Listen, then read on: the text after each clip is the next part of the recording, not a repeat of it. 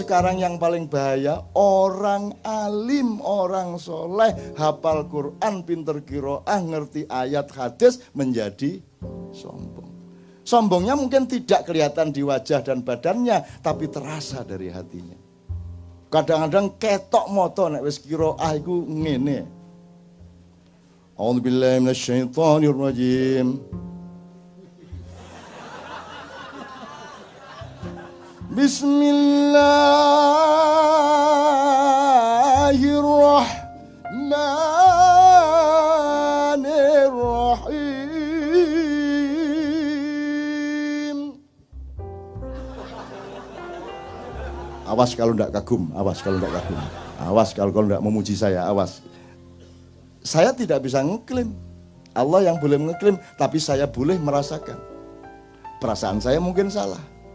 Tapi saya pantulkan mungkin kesalahan itu. Syukur Anda menjumpai kebenarannya.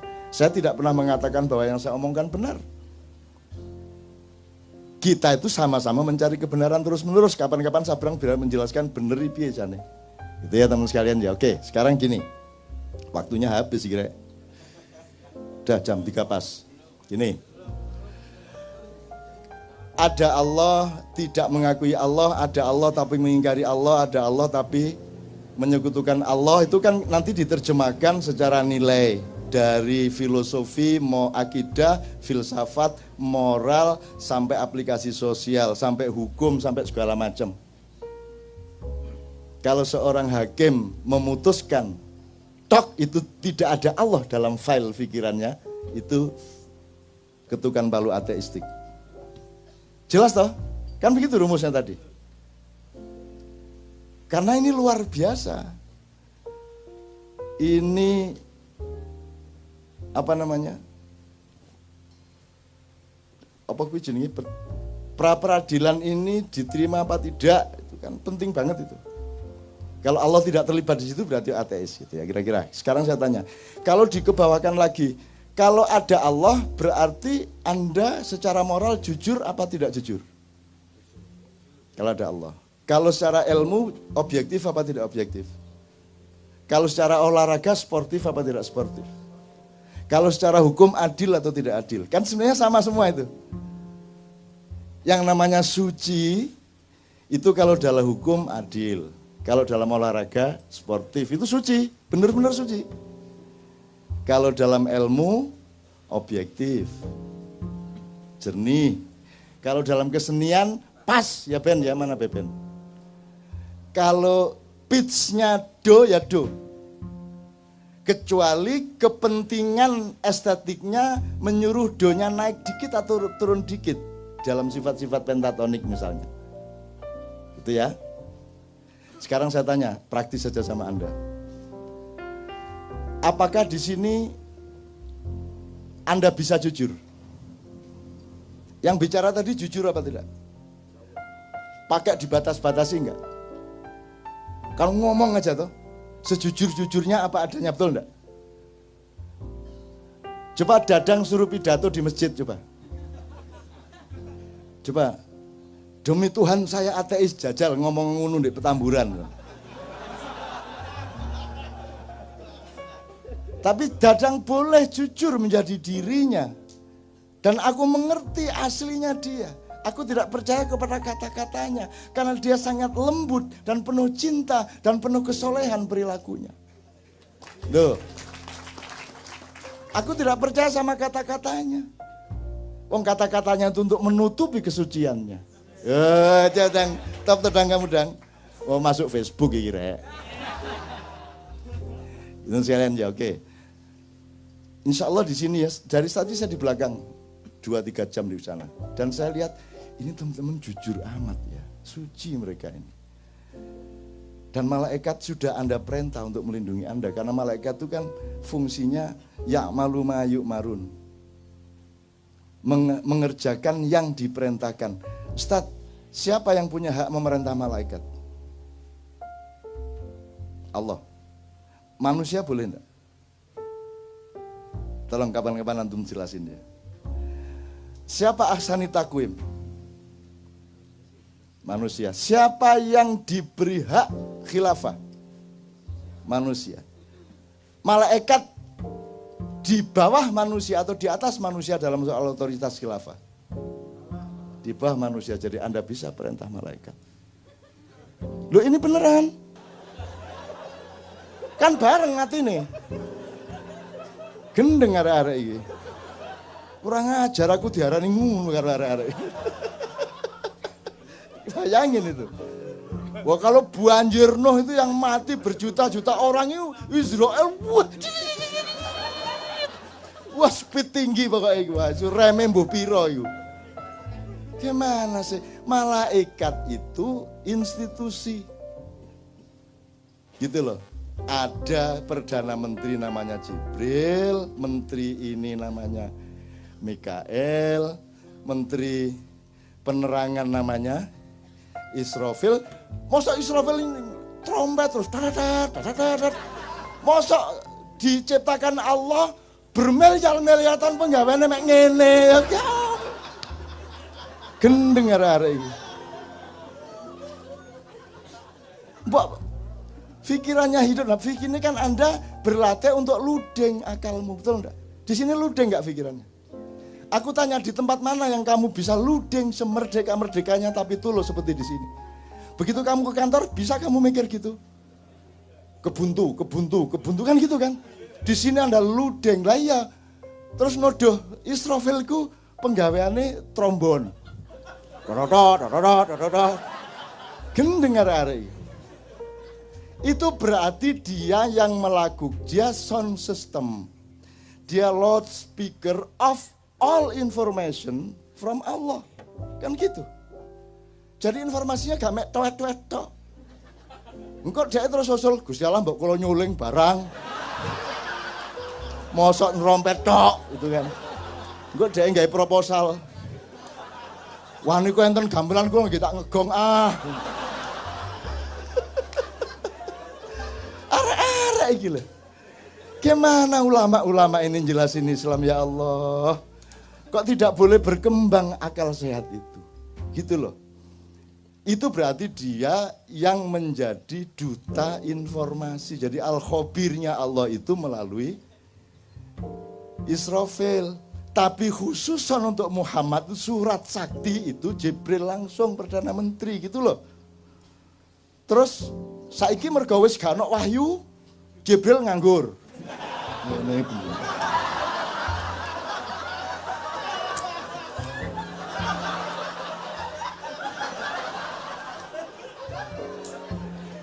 Semiliar tahun mulat mulat. Wis gak nabi ya.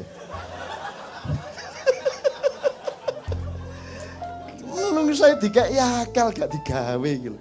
Jadi Jibril mau manggil karo awakmu itu. Aku mek diarani pensiun mulat, mulat. Terus mari ngono main biliar bola tiga cetak cetok ijen. Terus mari ngono aerobik. Arek-arek iki. Ndak. Makanya belajar madza al wahyu wa ma adroka mal wahyu. Wahyu itu apa dipelajari dong. Kalau ilham itu apa, hidayah itu apa, fadilah itu apa, maunah itu apa. Dipelajari gradasinya, strukturnya, perangkat-perangkat dan persyaratannya. Kamu pikir Allah itu membuat terus Allah itu wah ngenteni jek suwe kira Jokowi. Wah jek suwe ki Soeharto bagi Allah seluruh kejadian yang kita alami dari Adam sampai kiamat itu cuman des ngono Kalau mungkin bil basor. Sekejapan mata, ngene gitu. Jadi ketepnya niki wes wes kita sudah berlangsung sekian triliun tahun. Itu sama dengan Nabi Sulaiman bikin saya barayo siapa siapa yang bisa bawa istana Bulkis ke sini. Terus Efred saya yang akan angkut memindahkan istana Bulkis ke sini. Berapa lama kamu membawa? Kata si Sulaiman alaihissalam. Sebelum baginda berdiri dari singgah sana, istana sudah sampai ke depanku. Sulaiman kan menghormati jane wis kesuwen jane gitu tapi dia nggak ngomong dia. Bisi ya aku dok kesuwen nun ya. Nggih aku.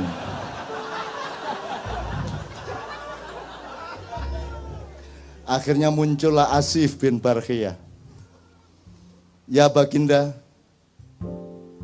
Sebelum baginda selesai berkedip istana sudah di sini. Terus Sulaiman gurung jawab, sudah di situ istananya. Jadi jin kalah sama manusia jauh. Dan malaikat disuruh Allah taat kepada khalifah. Makanya yang bikin proposal malaikat kepada Muhammad, kepada Ibrahim. Yang bikin proposal malaikat. Gunung bikin proposal kepada Muhammad. Ya Rasulullah, engkau dipanah oleh orang-orang kafir itu sehingga lehermu luka. Sehingga pundakmu sengkleh dan engkau dievakuasi masuk ke gua Uhud. Mohon perkenankan aku untuk menjatuhkan, menggugurkan batu-batuku supaya menimpa pasukan-pasukan kafir itu. Terus malaikat sang hyang bayu, sang hyang Wah, macam-macam datang Rasulullah izinkan. Saya tak ngebes. Ngebes itu artinya badai. Saya tak nyunami. Wus macam-macam bahasa nih. Terus ruang sana naik, naik malaikat cara apa? Eh? Kamu pikir siapa yang mengajari malaikat ngomong? Tahu benda ini, benda itu. Ustaz, apa ayatnya? Adam diajari Allah, eh, Adam diajari Allah, Adam mengajari malaikat. Jadi karena kejadian air yang naik ke darat itu namanya tsunami ya ada yang ngomong kalau tak nyunami nggih Kanjeng Nabi ngono. Wah aku krungu dhewe rek.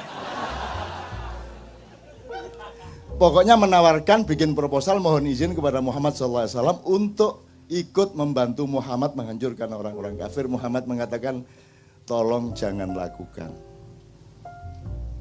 Sebab kalau Allah perintahkan pasti dia juga perintahkan saya, kamu akan saya suruh, tapi jangan lakukan. Karena aku sudah terlanjur mendoakan agar yang melukai saya tadi nanti punya cucu menjadi pemimpin Islam.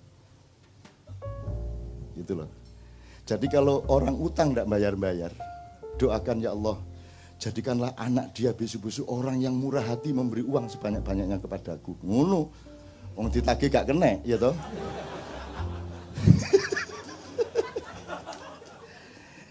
Gembira ya Anda ya. Lo ini namanya rahmatan lil alamin. Bukan hanya rahmatan lil ad loh. Kita khalifatun fil ad, tapi rahmatannya lil alamin. Jadi Anda harus bisa ke Mars. Anda harus kita, Anda harus naik ke langit-langit. Anda harus ke langit dua, langit tiga, Anda menembus dimensi-dimensi. Karena Anda berkewajiban untuk rahmatan lil alamin. Lah ini bumi tok aja kamu tidak bisa rahmatan lil alamin. Paten-patenan bendino. Soal tato gelut. Ayo tatoan gak oleh wudhu. Gitu tak? Gak sah wudhumu. Seneng arek-arek. Kok gak sholat? Aku gak bisa wudhu ya. Disangganya terus sedih, seneng. Wong gara-gara tatoan gak bisa wudhu. Akhirnya dia nggak pernah sholat kan. Sing salah sing sing bitano atau sing karena gak sholat akhirnya. Jadi kalau anda ingin tidak sholat, mulai besok tatuan. Padahal wudhu itu kan bukan urusan kebersihan jasad, tapi kebersihan hidupmu rohanimu, perilakumu, akhlakmu. Makanya secara simbolik meripatmu dibasuh karena kamu harus waspada kamu sering melihat hal-hal yang tidak baik. Begitu juga telingamu, mulutmu, hidungmu dan seterusnya, kakimu, tanganmu dibasuh karena dia sering melakukan dibersihkan dari perilaku-perilaku biasa. Kalau yang kentut pantatmu tidak diusap. Masa anak wudhu ini, Ngomongin wudhu. Tidak ada. Bal yang kentut siapa? Jadi yang kotor mana?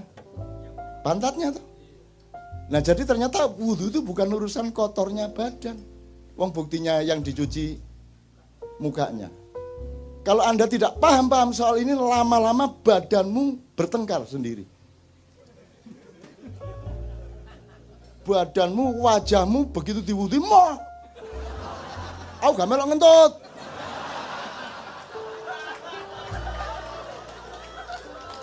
Terus ngene, uh, uh, uh, iya iya. Ku, selet iku sing ngentut e, dudu aku e.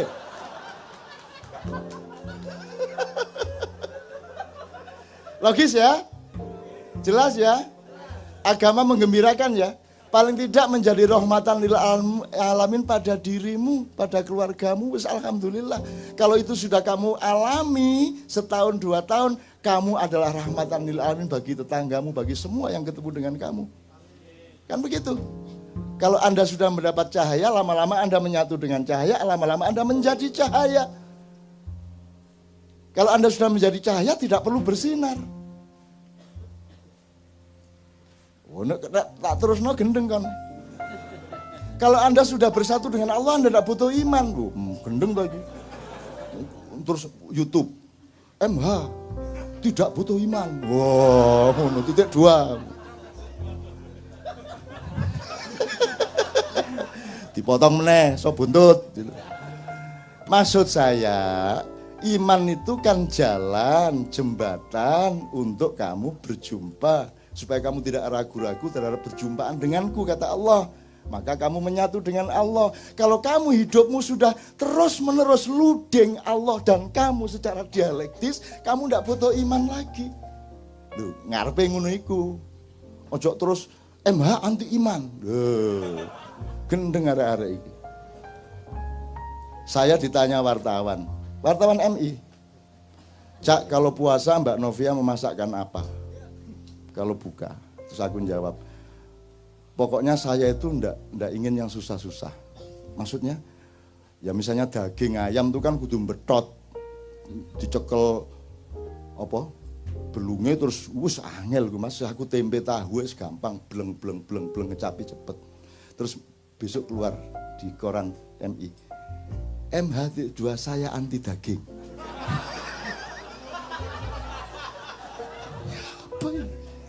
saya anti daging. Ucapan vegetarian, naruno terusan akhirnya. Saya ndak vegetarian. Saya tidak anti daging. Bayangin kalau saya vegetarian dan saya yakin kepada vegetarianisme, terus semua manusia itu vegetarian, dunia akan hancur. Lah terus PT gak dibelah. Wedos ambruk, jalan tambaran wedos kabeh. Dek Senayan PT petok, petok, petok, petok, petok. Lah ndak boleh disembelih.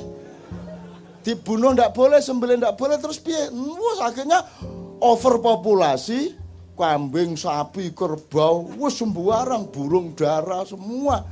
Nggak boleh diapa-apain kok. Jadi kalau vegetarian karena keperluan pribadi tidak ada masalah tapi jangan dijadikan ideologi. Kalau tak laksanakan bener kan ngeluh dewe kan semua.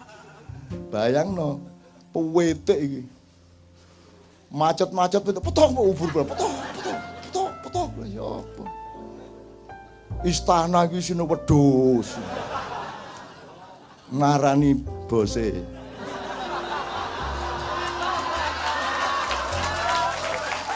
Ngono upamane ya. Oke, sekarang saya tanya, iki wis entek waktu nira aku wis kudu nang iki, Oke. Anda di sini jujur, insya Allah ya. Berarti Anda sama Allah kompatibel, luding dia pada Anda. Ya. Sekarang saya tanya, kalau di rumah berapa persen bisa jujur? Di rumah tanggamu sama istri, sama suami, sama anak, berapa persen bisa jujur? Tidak usah kamu jawab, cukup di batin. Ya. Begitu kamu ke kantor, berapa persen jujurnya? Kamu kalau jujur di kantormu hancur apa jaya? Kalau kamu jadi anggota DPR, dibutuhkan kejujuran berapa persen? Mana yang lebih dibutuhkan kejujuran atau kekejaman? Mana yang dibutuhkan kesantunan apa ke ketegaan hati? Jadi di, di negara ini di mana tempat kejujuran? Di mana tempat kesucian? Di mana tempat kemurnian? Di mana tempat objektivitas? Di mana tempat keadilan? Hanya di sini. Pas Jumat kedua tok. Nanti pulang ya nggawa gak jujure DDW. Ngerti teman sekalian ya? Bisa Anda teruskan negara yang tidak ada tempat untuk kejujuran. Bisa Anda teruskan. Apa yang salah sebenarnya? Ini negara atau bukan? Ini pemerintah atau bukan? Oke, tak singkat ya itu jawaban DW. Sampai kapan kamu bisa meneruskan keadaan seperti ini? Gini aja, terakhir. Salah satu parameternya gini. Parameter orang ingkar sama Allah, parameter orang mentiadakan Allah, menganggap Allah tidak ada itu salah satunya adalah juga tidak mengakui hakikat ciptaan Allah. Misalnya Allah menciptakan batu, kerikil, kerakal, watu, aki enggak sih, ya, fosil kayu ta sakar bungkus sih. Batu mulia itu apa saja?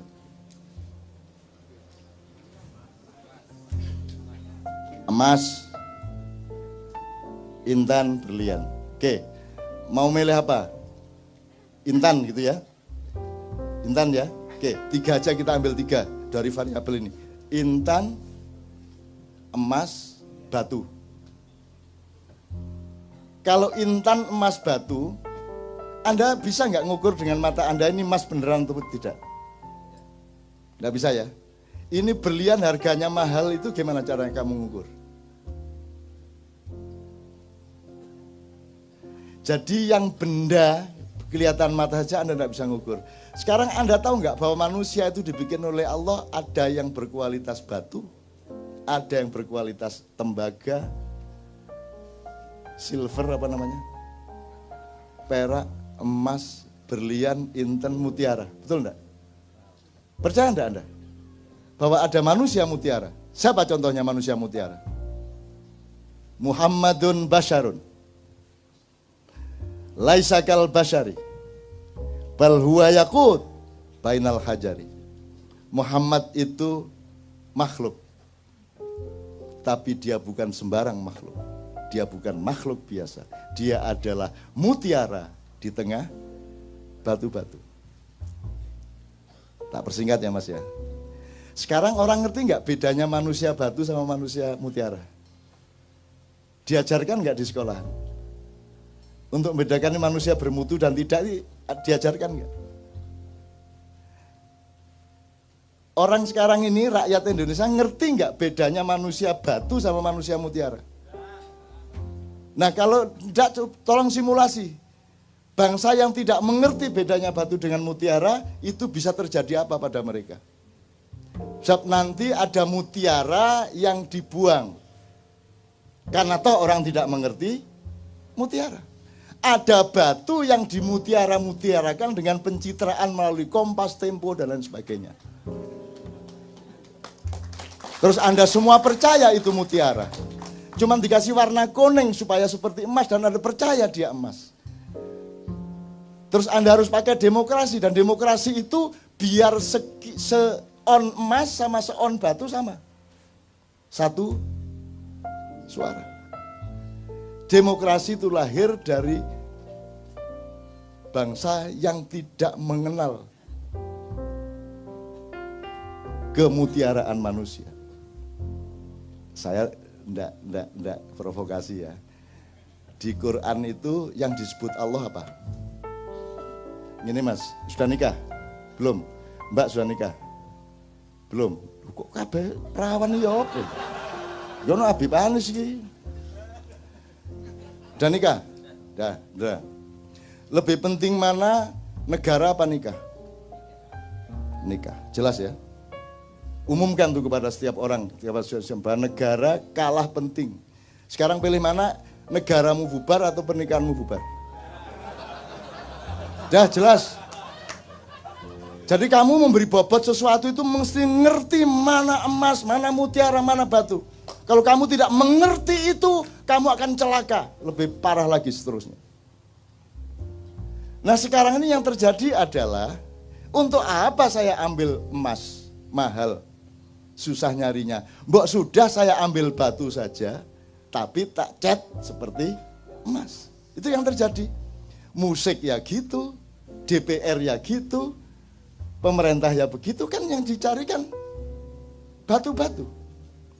Jadi kalau kamu sekarang oleh Allah diberi karomah sehingga Anda adalah mutiaranya bangsa Indonesia, Anda harus siap untuk sengsara, siap untuk tidak dianggap karena yang berkuasa dan yang punya duit tidak akan mau membeli Anda karena terlalu mahal harga Anda. Mending ambil batu di Anda-andakan, ngerti nggak? Ngerti ya? Oke. Sementara tidak ada orang marah, wong orang juga nggak ngerti kok bedanya emas sama. Jadi teman-teman di Ma'iyah ini nomor satu adalah tolong belajar kualitas manusia. Tolong mempelajari mana manusia batu, mana manusia mutiara, mana emas. Zaman kalau di Quran hanya disebut ada raja. Dan raja itu yang menentukan sebenarnya Allah yaitu kalau orang rakyatnya sudah mengetahui oh itu memang orang mutiara itu. Sulaiman itu memang mutiara. Yusuf itu memang mutiara. Daud itu memang mutiara. Semua orang mengakui dengan jujur. Maka dia rajanya memang. Tidak perlu pemilihan. Pemilihan itu terjadi karena Anda tidak ngerti bedanya mutiara sama saya bukan anti pemilu. Tapi kalau diterusin memang anti pemilu. Tapi saya tidak mengatakan begitu. Bahwa outputnya seperti itu bukan salah saya.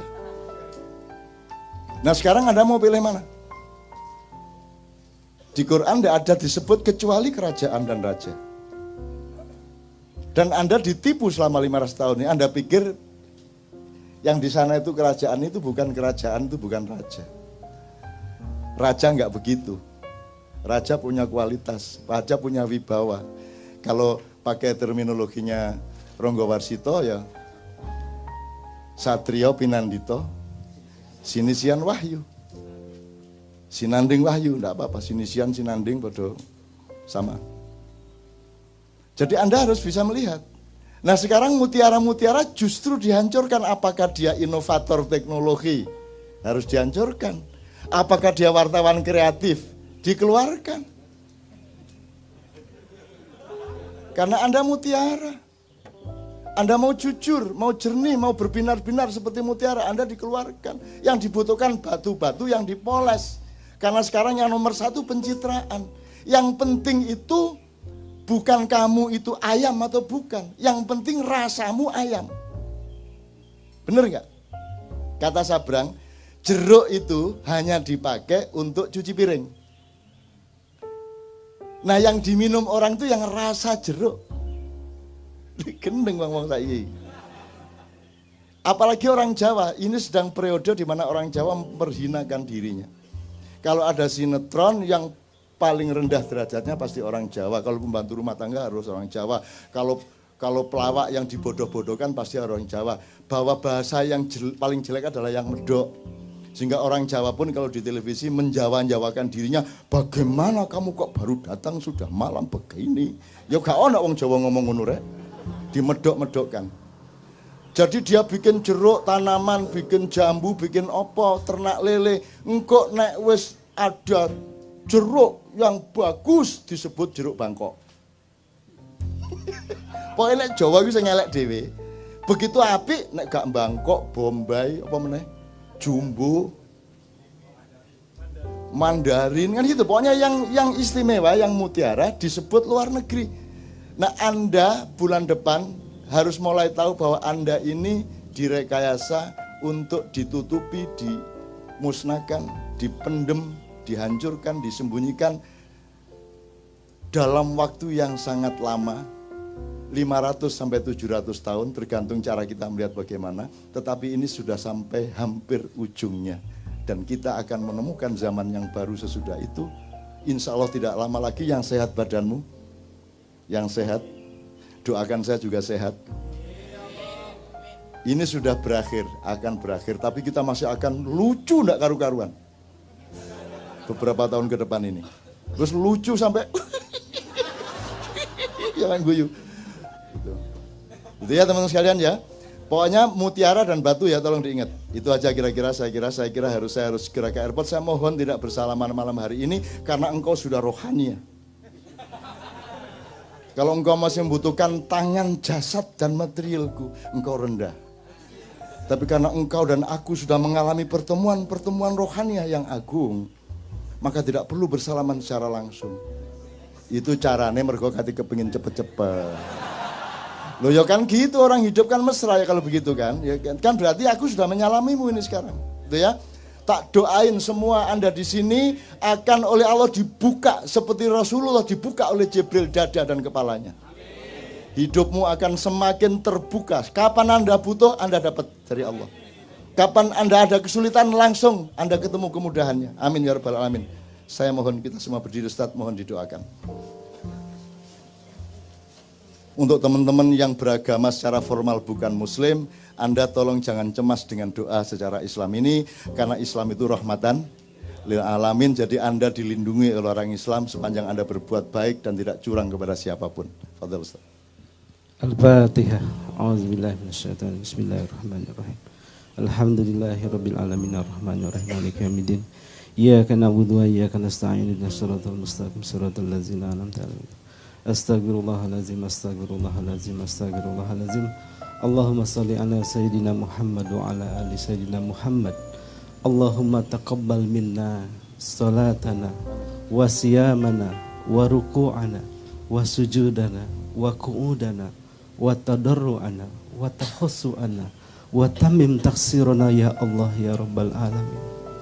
Allahumma antas salam wa minkas salam wa alayka ya'udu salam. Fahayyina rabbana bisalam wa adkhilna jannata darus salam. Tabarakta rabbana wa ta'alaita ya dal jalali wal ikram. Ya Allah ya Rahman ya Rahim. Ya Malik ya Kudus ya Salam ya Mu'minul Muhaiminul Azizul Jabbarul Qahhar Wahai pemilik alam semesta raya yang memiliki jiwa-jiwa kami, maka jadikanlah jiwa-jiwa kami yang jauh dari kesan untuk kami membangkang kepadamu. Jadikanlah malam ini malam yang penuh dengan keberkahan, malam yang penuh dengan makna untuk menghadirkan hidayah kepada kami semua.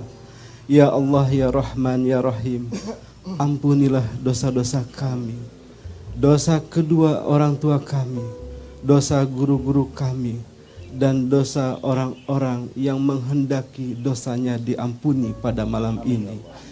Oleh karena itu ya Allah, bukakanlah pintu hidayah, inayah, dan karomah kepada kami yang jujur pada malam ini. Ya Allah, ya Rahman, ya Rahim, karena itu perkuatlah cinta kami kepadamu. Ana uhibbu ilaika ya Rob. Nahnu nuhibbu ilaika ya Rob. Kami tidak mampu mengukur apa yang kami bisa perbuat untuk kami bisa diterima oleh Engkau.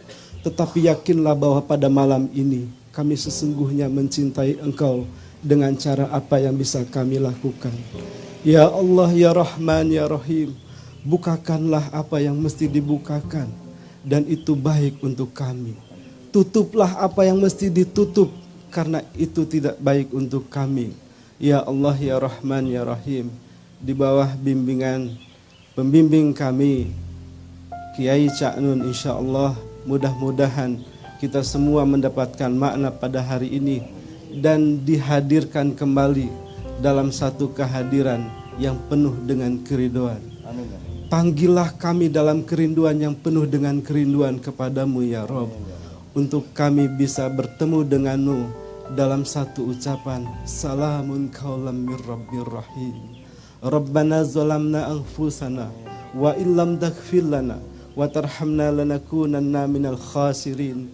Irhamna ya arhamar rahimin. Irhamna ya arhamar rahimin. Irhamna ya arhamar rahimin. Rabbana atina fid dunya hasanah wa fil akhirati hasanah wa qina azabannar. Subhana rabbika rabbil izzati amma yasifun wa salamun alal mursalin walhamdulillahi rabbil alamin. Al-Fatihah. A'udzu billahi minasyaitonir rajim. Bismillahirrahmanirrahim. Alhamdulillahi rabbil alamin arrahman maliki yaumiddin. Iyyaka na'budu wa iyyaka Teman-teman sekalian, dua menit.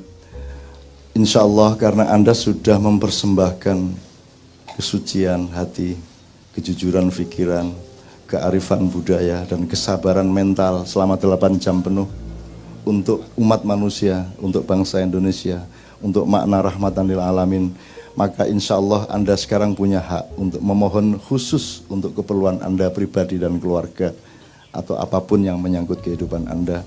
Bayangkan, renungkan, dan ucapkan di dalam hati masing-masing apa yang Anda perlukan dari Allah, Anda mohonkan kepada Allah, Mudah-mudahan Allah tidak tega untuk tidak mengabulkan karena Anda telah membuktikan cinta Anda yang luar biasa, kesabaran yang luar biasa demi umat manusia, demi bangsa Indonesia, demi rakyat dan rahmatan lil alamin.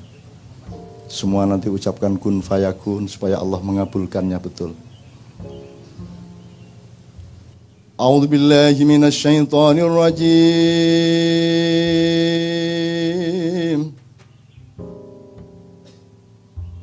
بسم الله الرحمن الرحيم إنا فتحنا لك فتحا مبينا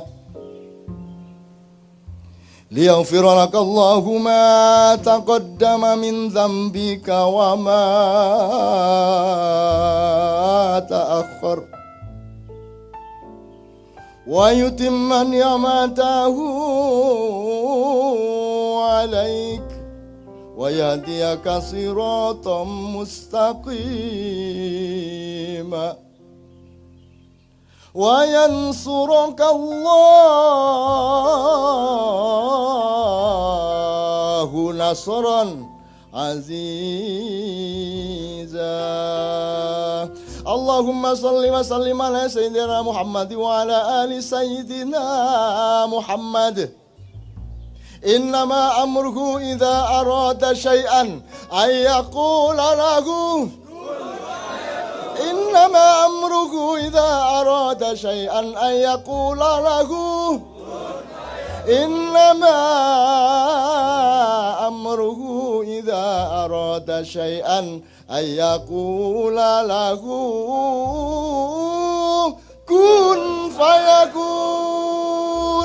فسبحان الذي بيده ملكوت كل شيء وإليه ترجعون ربنا آتنا في الدنيا حسنة وفي الآخرة حسنة وقنا عذاب النار سبحان ربك رب العزة عما يصفون وسلام على المرسلين والحمد لله رب العالمين الفاتحة بالله من الشيطان